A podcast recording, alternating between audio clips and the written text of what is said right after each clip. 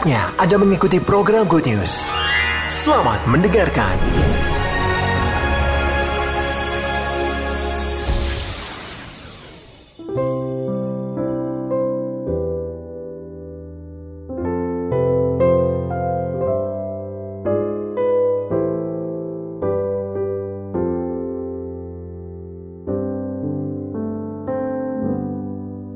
Tuhan, Bapak Ibu Saudara. Shalom. Bapak Ibu Saudara yang dikasih Tuhan, kita akan terus belajar di dalam atau dari kitab Markus. Ya, khotbah dari kitab Markus. Kita akan melihat dari Markus pasal yang ke-8. Hari ini saya menyampaikan satu judul khotbah yaitu kasih yang beresiko, ya, kasih yang beresiko. Nah, Bapak Ibu Saudara memasuki bulan diakonia ini. Kita percaya bahwa anugerah terus anugerah Tuhan senantiasa memelihara setiap kita. Oleh karena itu mari kita bersyukur dan mempersiapkan diri kita. Besok adalah minggu yang pertama di bulan Februari ini Bapak Ibu Saudara. Dan saya melihat di Malang maupun di Surabaya hamba-hamba Tuhan yang hari ini hadir mempersiapkan dirinya, mempersiapkan hatinya untuk terus dimurnikan, dikalibrasi sesuai dengan Injil Kristus Yesus Tuhan. Nah Bapak Ibu Saudara yang dikasih Tuhan. Oleh karena itu mari tenangkan, teduhkan hati. Kita membaca bersama di dalam Markus pasal yang ke-8. Kita akan buka di ayat yang ke-27. ya Ayat yang ke-27. Kalau minggu kemarin saya bahas Markus pasal yang ke-8 ya eh, atau pasal yang ke-7 tapi hari ini kita akan masuk di pasal yang ke-8 ayat yang ke-27 perikopnya adalah pengakuan Petrus. Ya, saya rindu setiap kita bisa membaca firman Tuhan ini bersama-sama, termasuk juga hamba-hamba Tuhan, para diakan diakones dan juga staf gembala yang ada di uh, Kota Malang maupun Bapak Ibu Saudara yang hadir di Pondok Daud maupun kita yang mengikutinya melalui Radio Sejahtera dan juga melalui YouTube channel. Markus pasal 8, 27. Kemudian Yesus beserta murid-muridnya berangkat ke kampung. Kampung di sekitar Kaisarea Filipi. Di tengah jalan ia bertanya kepada murid-muridnya katanya, kata orang siapakah aku ini? Jawab mereka, ada yang mengatakan Yohanes Pembaptis, ada juga yang mengatakan Elia, ada pula yang mengatakan seorang para seorang dari para nabi. 29. Ia bertanya kepada mereka tentang apa katamu, siapakah aku ini? Maka jawab Petrus, engkau adalah Mesias. Lalu Yesus melarang mereka dengan keras supaya jangan memberitahukan kepada siapa pun tentang dia. Lanjut 31. Kemudian mulailah Yesus mengajarkan kepada mereka bahwa anak manusia harus menanggung banyak penderitaan dan ditolak oleh tua-tua, imam-imam kepala, dan ahli-ahli Taurat. Lalu dibunuh dan bangkit sesudah tiga hari. 32. Hal ini dikatakannya dengan terus terang tetapi Petrus menarik Yesus ke samping dan menegur dia. Maka berpalinglah Yesus dan sambil memandang murid-muridnya, ia memarahi Petrus katanya, Enyahlah iblis, sebab engkau bukan memikirkan apa yang dipikirkan Allah, melainkan apa yang dipikirkan manusia. Yang percaya katakan, amin. Bapak ibu saudara yang dikasih Tuhan, ketika kita membaca kitab Markus, sekali lagi Markus ini menuliskan Injil Kristus ya menurut Markus ya itu adalah hasil dari kesaksian dari Rasul Kristus ketika itu yaitu Petrus ya jadi Petrus itu punya murid namanya Markus dan Markus ini menuliskan ya eh, apa yang sedang terjadi dan itu dituliskan di dalam Injil Kristus ya menurut Markus di pasal yang ke-8 ini. Nah, pengakuan Petrus ini sering kali menjadi apa perhatian, pusat perhatian dan sering dikotbahkan Saudara. Ya. Nah, di sana Yesus bertanya, menurut atau kata orang siapakah aku ini? Ya, kata orang siapakah aku ini?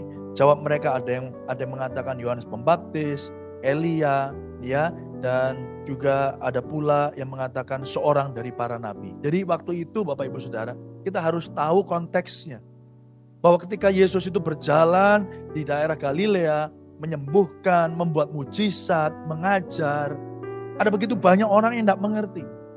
Dan sejarah Yahudi ya itu itu Bapak Ibu Saudara, mereka punya punya Taurat, ya, punya kitab-kitab para nabi ya yang memberitahukan ya tentang apa yang akan terjadi. Jadi mereka di dalam di dalam di dalam pemikiran mereka, dalam persepsi mereka ada begitu banyak pemikiran, ada begitu banyak pandangan. Makanya Tuhan Yesus ya di sini bertanya, kata orang itu aku ini siapa ya? Kenapa? Karena ketika itu ada yang buta melihat, ya ada yang tuli mendengar, ada mujizat yang dikerjakan Tuhan Yesus ketika itu. Jadi Tuhan Yesus rindu untuk mengetahui sesungguhnya apa yang orang-orang katakan tentang dirinya.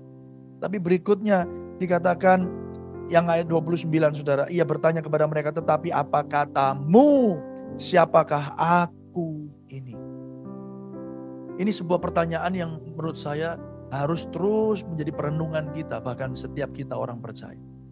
Saudara, banyak orang mengatakan, banyak orang kenal Tuhan. Banyak orang mengenal atau mengikuti Tuhan karena mereka mengenal dia. Tapi pertanyaannya, bagaimana pandangan dan persepsi saudara tentang Tuhan? Bagaimana pengenalan kita akan Tuhan?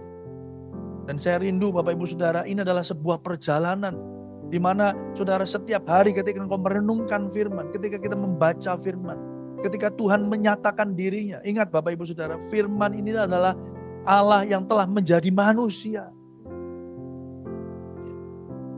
Pada mulanya adalah firman dan firman ini telah menjadi manusia.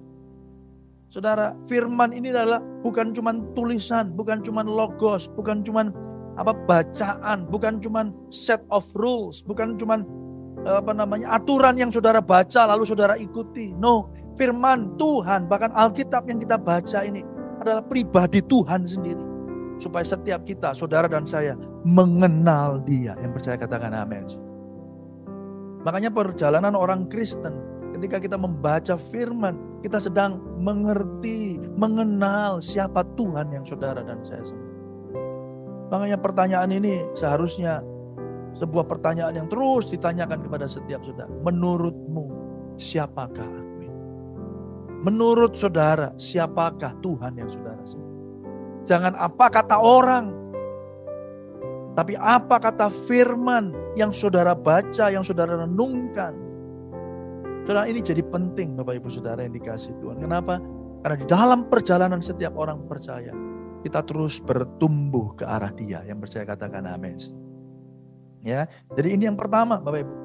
Ya, kita ada dalam proses pengenalan dan yang luar biasa Bapak Ibu Saudara, Saudara, terlebih daripada kerinduan Saudara untuk mengenal Tuhan.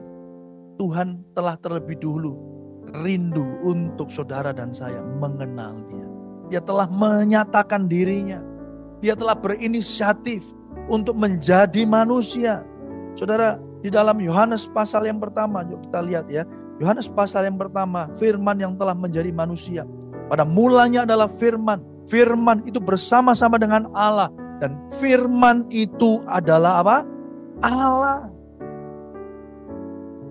Segala sesuatu dijadikan oleh dia dan tanpa dia tidak ada sesuatu pun yang telah jadi dari segala yang telah dijadikan. Saudara yang dikasih Tuhan. Dan yang luar biasa Bapak Ibu Saudara, ayat 14, firman itu telah menjadi manusia dan diam antara kita. Jadi pengenalan Allah ini bahkan Bapak Ibu Saudara saya mau katakan bukan dengan kuat dan gagah Saudara. Saudara, upaya manusia untuk mencari Tuhan sia-sia kok. Ya. Jadi jangan ada yang bisa menyombongkan dirinya hari ini tapi kita ada dalam ucapan syukur bahwa firman itu telah menjadi manusia dan diam di antara kita. Dan kita telah melihat kemuliaannya. Yaitu kemuliaan yang diberikan kepadanya sebagai anak tunggal Bapa penuh kasih karunia dan kebenaran. Jadi pengenalan akan Tuhan pun itu sesungguhnya dinyatakan oleh Tuhan sendiri, dibuka oleh Tuhan sendiri. Kesempatannya inisiatifnya yang pertama itu dari Tuhan. Oleh karena itu hari ini Bapak Ibu Saudara sadari bahwa mari kita ada dalam proses pengenalan itu. Tapi berikutnya Bapak Ibu Saudara ucapkan syukur Kalau hari ini saudara beroleh kesempatan untuk boleh mengenal. Boleh membaca firman-Nya. Boleh berbincang-bincang. Boleh membangun hubungan yang karib dengan dia. Itu pun sebuah anugerah yang saudara dan saya harus syukuri. Yang percaya katakan amin. Nah, saudara yang dikasih Tuhan, lalu Petrus lalu Petrus menjawab, "Engkau adalah apa? Mesias." Kata Mesias ini bicara tentang yang diurapi, raja yang diurapi. Dan saudara, Yesus, saudara tidak denial, tidak menyanggah jawaban daripada Petrus ini. Dikatakan engkaulah Mesias, engkaulah juru selamat. Tapi lebih daripada itu dikatakan Mesias atau Kristos itu bicara tentang apa? You are the king. Engkaulah raja yang akan datang. Yang akan membebaskan kita dari semua belenggu ini. Saudara, itu yang dikatakan oleh Petrus. Saudara, itu yang dikatakan oleh Petrus. Jadi Mesias ini, juru selamat ini bukan cuma bicara menyelamatkan mereka, tetapi sang raja yang akan datang. Ya, sang raja yang akan datang yang telah dinubuatkan di perjanjian lama. You are the king yang akan membebaskan. Ingat, pada waktu itu konteksnya orang Israel ini sedang dijajah ya di bawah pengaruh bangsa Romawi. Jadi mereka berpikir ini Mesias, ini raja yang akan datang, yang akan membebaskan kita dari belenggu, dari penjajahan ini. Tapi luar biasanya Bapak Ibu Saudara, pertama Yesus tidak menyanggah bahwa dia adalah sang raja itu. Artinya Bapak Ibu Saudara hari ini pun kita tahu bahwa Yesus Kristus itu adalah Tuhan dan Raja yang saudara dan saya sembah. Mari kita beri tepuk tangan yang meriah bagi Tuhan kita. Haleluya. Dia adalah yang dia adalah the Messiah, the, the, the, the Messiah, the Mesias yang akan datang dan dia sudah datang. Saudara, dan Yesus melarang mereka dengan keras supaya jangan memberitahukan kepada siapa pun tentang dia. Tapi anehnya saudara, dia katakan, yes aku ini raja. Aku ini raja yang akan datang. Raja yang membebaskan kamu dari setiap belenggu. Tapi lihat ayat yang ke-31. Kemudian mulailah Yesus mengajarkan kepada mereka bahwa anak manusia harus banyak menanggung, harus menanggung banyak penderitaan dan ditolak oleh tua-tua, imam-imam kepala, dan ahli-ahli Taurat, lalu dibunuh dan bangkit sesudah tiga hari. Di sinilah mereka mulai bingung lagi. Ketika Yesus tanya, menurut mereka siapa? Oh ada Elia, oh ada Yohanes Pembaptis, oh kamu salah satu daripada nabi. Menurut kalian, menurut kamu siapa aku? Petrus menjawab, Mesia, the, the, apa um, juru selamat Mesias itu. Raja yang akan datang. Ya, dan itu tidak disanggah oleh Tuhan Yesus. Tapi setelah itu dia ngomong begini. Anak manusia, jadi kalau saudara lihat di situ ayat 31, anak manusia harus menanggung banyak penderitaan. Kata anak manusia itu juga dipakai di dalam Daniel pasal yang ketujuh ayat yang ke-13 dan 14. Nggak usah dibaca saudara. Saudara catat aja dulu. Nah anak manusia itu merujuk kepada ayat-ayat perjanjian lama yang menceritakan tentang keselamatan. Anak manusia itu dikatakan ya yang akan menjadi juru selamat. Itu merujuk kepada Tuhan Yesus. Dan itu digenapi di dalam pembacaan kita di Markus pasal yang ke-8 ayat yang ke-31 ini. Karena Yesus sendiri mengatakan dirinya anak manusia. Di situ dikatakan anak manusia huruf besar ya. Harus, tapi yang heran ini, menanggung banyak penderita. Dan ini yang buat Petrus dan murid-muridnya nggak bisa terima. Mereka pikir Yesus ini adalah raja yang akan datang membebaskan bangsa Yahudi dari penjajahan bangsa Roma. Lah kok menanggung banyak penderitaan? Bahkan dibunuh, mati. Makanya apa yang dikatakan? lalu disanggah oleh Petrus ayat 32. Yuk kita baca ya. Hal ini dikatakannya dengan terus terang. Tetapi Petrus menarik Yesus ke samping dan menegur dia. Bahasa Inggrisnya rebuke him. Menegur dia. Rebuke. Dan bahkan bahasa menegur dia ini keras sekali. Seperti ketika dipakai Yesus untuk mengusir setan. Petrus itu artinya gini, Petrus itu saking nggak setujunya dengan perkataan Yesus. Petrus itu sampai menengking Yesus.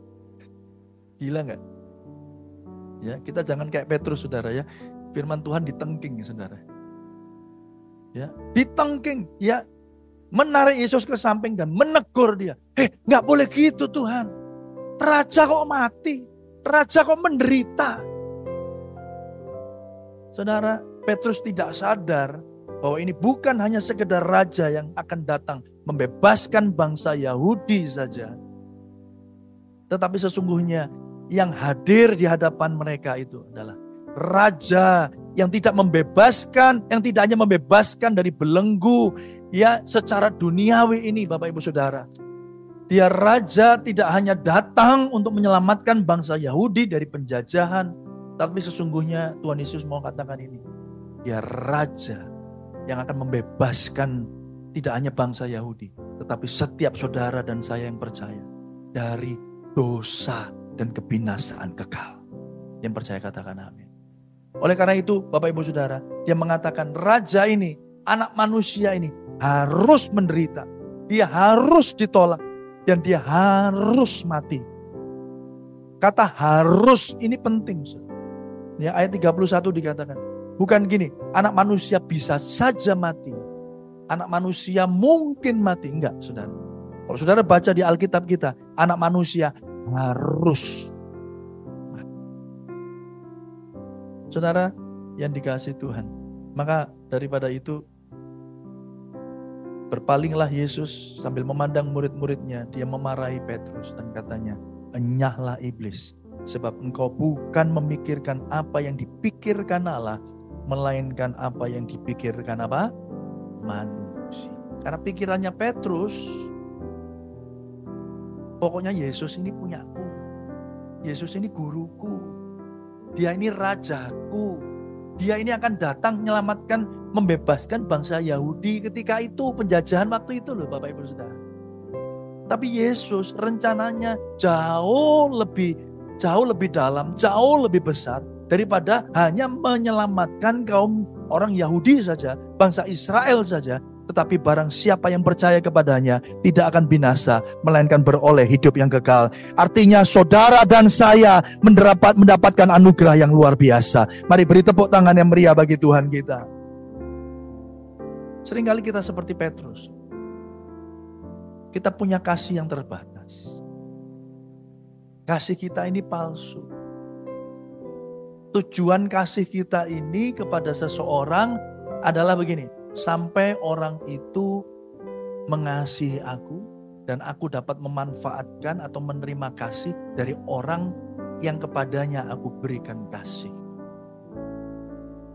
Dan bukankah kasih Petrus itu juga menggambarkan kasih manusia yang terbatas. Kasih saudara dan saya yang terbatas. Seringkali kita ada dalam relationship, dalam hubungan, kita mengasihi karena dasarnya apa? Kalau aku mengasihi dia, maka dia akan mengasihi. Tetapi Yesus datang, saudara. Anak manusia datang. Dikatakan saudara, dia harus menanggung banyak penderitaan. Saudara, kasih yang seperti ini penuh dengan resiko. Artinya apa? Saudara, saudara Kasih yang tanpa syarat itu artinya gini loh Bapak Ibu. Saudara mengasihi tanpa cadangan. Saudara mengasihi, saudara berbuat baik kepada seseorang dan saudara sama sekali tidak mengharapkan untuk dikasih. Bahkan saudara siap untuk tidak dikasih, tidak dipuji, bahkan tidak diterima. Dan kalau boleh jujur saudara, kita tidak bisa menemukannya itu di dunia ini dengan upaya kita sendiri. Karena selalu manusia melakukan sesuatu dengan dasar apa? Ya supaya aku diterima. Supaya aku dikasihi. Makanya Yesus berkata, yang raja yang akan datang ini berbeda. Raja yang akan dia yang ada di hadapanmu, raja yang dikatakan Mesias ini, raja yang membebaskan, raja yang mengalahkan dan mengalahkan penjajahan, mengalahkan belenggu itu adalah raja yang berbeda, raja yang menyerahkan dirinya. Saudara yang dikasih Tuhan, dia raja. Bahkan di dalam Markus pasal yang ke-10 ayat yang ke-45. Ini berkorelasi saudara, kita baca. Karena anak manusia juga datang bukan apa? Bukan untuk dilayani, melainkan untuk melayani dan untuk apa? Baca yuk sama-sama ya. Memberikan nyawanya bagi tebusan bagi banyak orang. Saudara, itulah raja yang saudara dan saya sembah. Dia bukan raja yang kasihnya terbatas dia meresikukan dirinya. Dia tahu bahwa dia harus mati. Untuk apa saudara? Untuk mengasihi setiap saudara dan saya. Saudara yang dikasih Tuhan. Dia raja itu. Dia yang datang tapi untuk mati. Supaya saudara yang mati itu bisa dibangkitkan. Yang percaya katakan Oleh karena itu Bapak Ibu Saudara yang dikasih Tuhan. Pagi hari ini di minggu pertama atau menjelang minggu pertama di bulan Februari, bulan diakonia. Mari kita mengasihi bukan dengan kasih kita yang terbatas. Dia anak manusia itu datang saudara. Dia harus menanggung semuanya itu. Karena dosa dan pelanggaran. Karena kasih kita yang terbatas. Supaya apa? Supaya kasih kita yang terbatas itu saudara. Hari ini dimampukan Tuhan. Untuk dapat mengasihi orang-orang yang lain yang bahkan tidak layak untuk dikasih, yang tidak layak untuk ditolong. Tetapi kita boleh menyatakan kasih yang sama, yang saudara dan saya sudah terima daripada Tuhan Yesus, Sang Raja yang tidak mengambil dari kita, tapi justru memberikan dirinya. Saudara, kenapa kasihnya begitu beresiko dan itu dilakukannya buat saudara dan saya? Kenapa Bapak Ibu? Karena kalau manusia itu tangkinya, tangki kasihnya ini kosong dan butuh diisi. Ada satu hal yang kosong di dalam hati kita yang hanya bisa diisi dengan kasih Tuhan yang percaya katakan. Tapi sebelum kita kenal Tuhan, kita berusaha untuk mencari itu ya melalui orang-orang yang ada di sekitar kita dan kita gagal kita kecewa. Tapi Kristus datang untuk memenuhi hatimu yang kosong itu. Hati kita yang terbatas. Kenapa Bapak Ibu Saudara? Karena dia di dalam persekutuan Allah Tritunggal telah mengalami kasih yang penuh. Allah Bapa, Putra, dan Roh Kudus. Saudara, kenapa dia mau mati bagi saudara. Dia nggak butuh kita. Tapi kenapa dia mati bagi kita? Karena dia mengasihi kita. Ada orang yang bilang Tuhan itu butuh kita untuk disembah. No. Kalau dia butuh saudara untuk disembah, saudara, dia Tuhan yang paling egois. Benar nggak? Berarti dia bukan Tuhan yang utuh karena butuh orang lain untuk nyembah dia. Allah dalam ketritunggalannya itu sempurna yang percaya katakan amin. Makanya Allah adalah ka kasih. Bagaimana dikatakan Allah adalah kasih, saudara? Kalau dia nggak sempurna, dia nggak utuh. Kenapa? Karena sikap kasih itu selalu begini, selalu harus ada subjek dan objeknya, betul Bapak? Kasih itu selalu begini, oh saya mengasihimu, Nah bagaimana dikatakan Allah itu adalah kasih? Kalau dia tidak sempurna di dalam kasih. Nah bagaimana dia bisa sempurna di dalam kasih? Karena Allah Bapa, Putra, dan Roh Kudus. Mereka ada dalam satu kesatuan. Mereka tinggal dalam satu kesatuan, saling mengasihi. Makanya Yesus datang ke dunia mati bagi saudara. Penuh dengan resiko. Resiko untuk ditolak. Resiko untuk tidak dikasihi. Resiko untuk tidak dianggap. Saudara ingat bagaimana Yesus berkata seorang nabi tidak diterima di tempatnya sendiri. Dia ditolak Bapak Ibu Saudara. Sama tetangganya dia katakan ngapain sus. Khotbah-khotbah ngajar. Lah awakmu itu loh. Ya anak e Yusuf. Tukang kayu. Biasa nodok-nodok kayu masrah-masrah.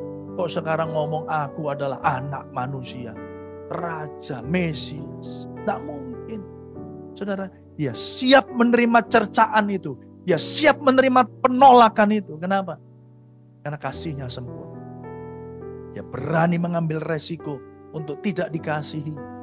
Bahkan datang sebagai tebusan bagi orang-orang yang berkata, salibkan dia, salibkan dia. Seandainya mereka tahu, Yesus mati tergantung di atas kayu salib. Bagi orang-orang yang mencerca, yang mengolok-olok dia. Saudara, hari ini kita disadarkan kembali bila sebentar kita akan mengambil bagian ya dalam sakramen perjamuan kudus. Mari teman-teman di Malang, di Surabaya, kita anggap ini menjadi sebuah anugerah. Kita menjadi bagian daripada Kristus Yesus. Bahkan kalau saudara baca nanti Bapak Ibu Saudara, bagaimana dia katakan ya setiap orang yang mau mengikut aku harus menyangkal dirinya, memikul salibnya dan mengikut aku. 34 dan 35 saya tutupin dengan ini. Karena siapa yang mau menyelamatkan nyawanya. Artinya apa? Setiap orang yang berusaha untuk menyelamatkan dengan upayanya sendiri, dia akan kehilangan nyawanya. Tetapi barang siapa kehilangan nyawanya karena aku dan karena Injil. Makanya saya selalu katakan saudara, dari mimbar gereja ini harus terus diberitakan tentang Injil Kristus Yesus. Bukan Injil yang lain. Dengar ini hamba-hamba Tuhan Jangan sampai kita mengabarkan Injil yang lain. Injil yang lain itu apa? Upaya-upaya manusia. Hati-hati ini betul Bapak Ibu. Dari pastoral kami akan benar-benar ya dengan tegas. Kenapa? Jangan sampai kita menjadi bagian yang menyesatkan jemaat. Di situ dikatakan tetapi barang siapa kehilangan nyawanya karena aku dan karena Injil, ia akan menyelamatkannya. Artinya apa? Jangan berusaha dengan kekuatanmu sendiri. Kalau orang sudah berusaha dengan kekuatannya sendiri, maka sesungguhnya dia tidak akan dapatkan apa. Tetapi karena dia berkata, ini semua karena anugerah. Bahkan ketika dia harus kehilangan nyawanya, ketika kita semua harus kehilangan mungkin itu harta benda, mungkin sakit penyakit, mungkin anggota keluarga kita. Karena Kristus saya percaya Bapak Ibu Saudara, engkau telah mendapatkan segala-galanya. Oleh karena itu hari ini Bapak Ibu Saudara, kasih yang beresiko kita boleh temukan di dalam satu pribadi, Yesus Kristus. Kasih yang tidak berbalas. Kasih yang tidak menuntut balas. Kasih yang yang yang tulus. Kasih yang bahkan beresiko untuk tidak diterima saudara tetap mengasihi, saudara tetap berbuat baik, bukan supaya saudara mendapat imbalan, tetapi karena saudara telah mengalami kasihnya yang sempurna. Hari ini saudara di bulan diakonia engkau berbuat baik, engkau menolong orang, membantu mereka, bukan supaya Tuhan mengasihimu lebih lagi. Nah, tetapi karena Tuhan telah dan sudah dan terus mengasihi saudara. Mari kita berdoa. Bapa surgawi kami bersyukur Tuhan untuk anugerahmu yang sempurna yang telah kekerjakan di atas kayu salib bagi setiap kami. Tuhan kami percaya kekristenan adalah bukan tentang apa yang manusia bisa kerjakan. Tetapi sesungguhnya kekristenan adalah apa yang Tuhan sudah kerjakan bagi kami dan itu cukup bagi kami. Sehingga hari ini Tuhan, Engkau tidak hanya datang untuk menjadi raja yang sementara. Raja yang membebaskan bangsa Yahudi saja. Tetapi engkau adalah Raja Mesias yang datang untuk menyelesaikan masalah terbesar kami, yaitu dosa kami. Engkau telah menyerahkan nyawamu sebagai bukti cinta kasihmu bagi kami yang tak terbatas. Supaya kasih kami yang terbatas ini, kasih kami yang ada maunya ini Tuhan, dimampukan Tuhan untuk juga dapat mengasihi orang-orang yang ada di sekitar kami tanpa balas, tanpa batas. Bahkan kami berani meresikokan diri kami bukan supaya dikasihi Tuhan, bahkan bukan untuk dipuji oleh manusia.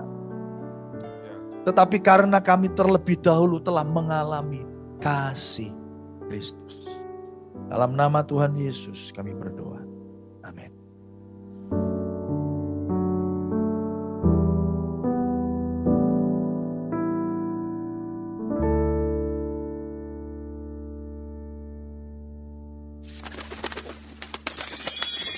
Terima kasih untuk Anda yang sudah mendengarkan program Good News yang dipersembahkan oleh Radio Sejahtera.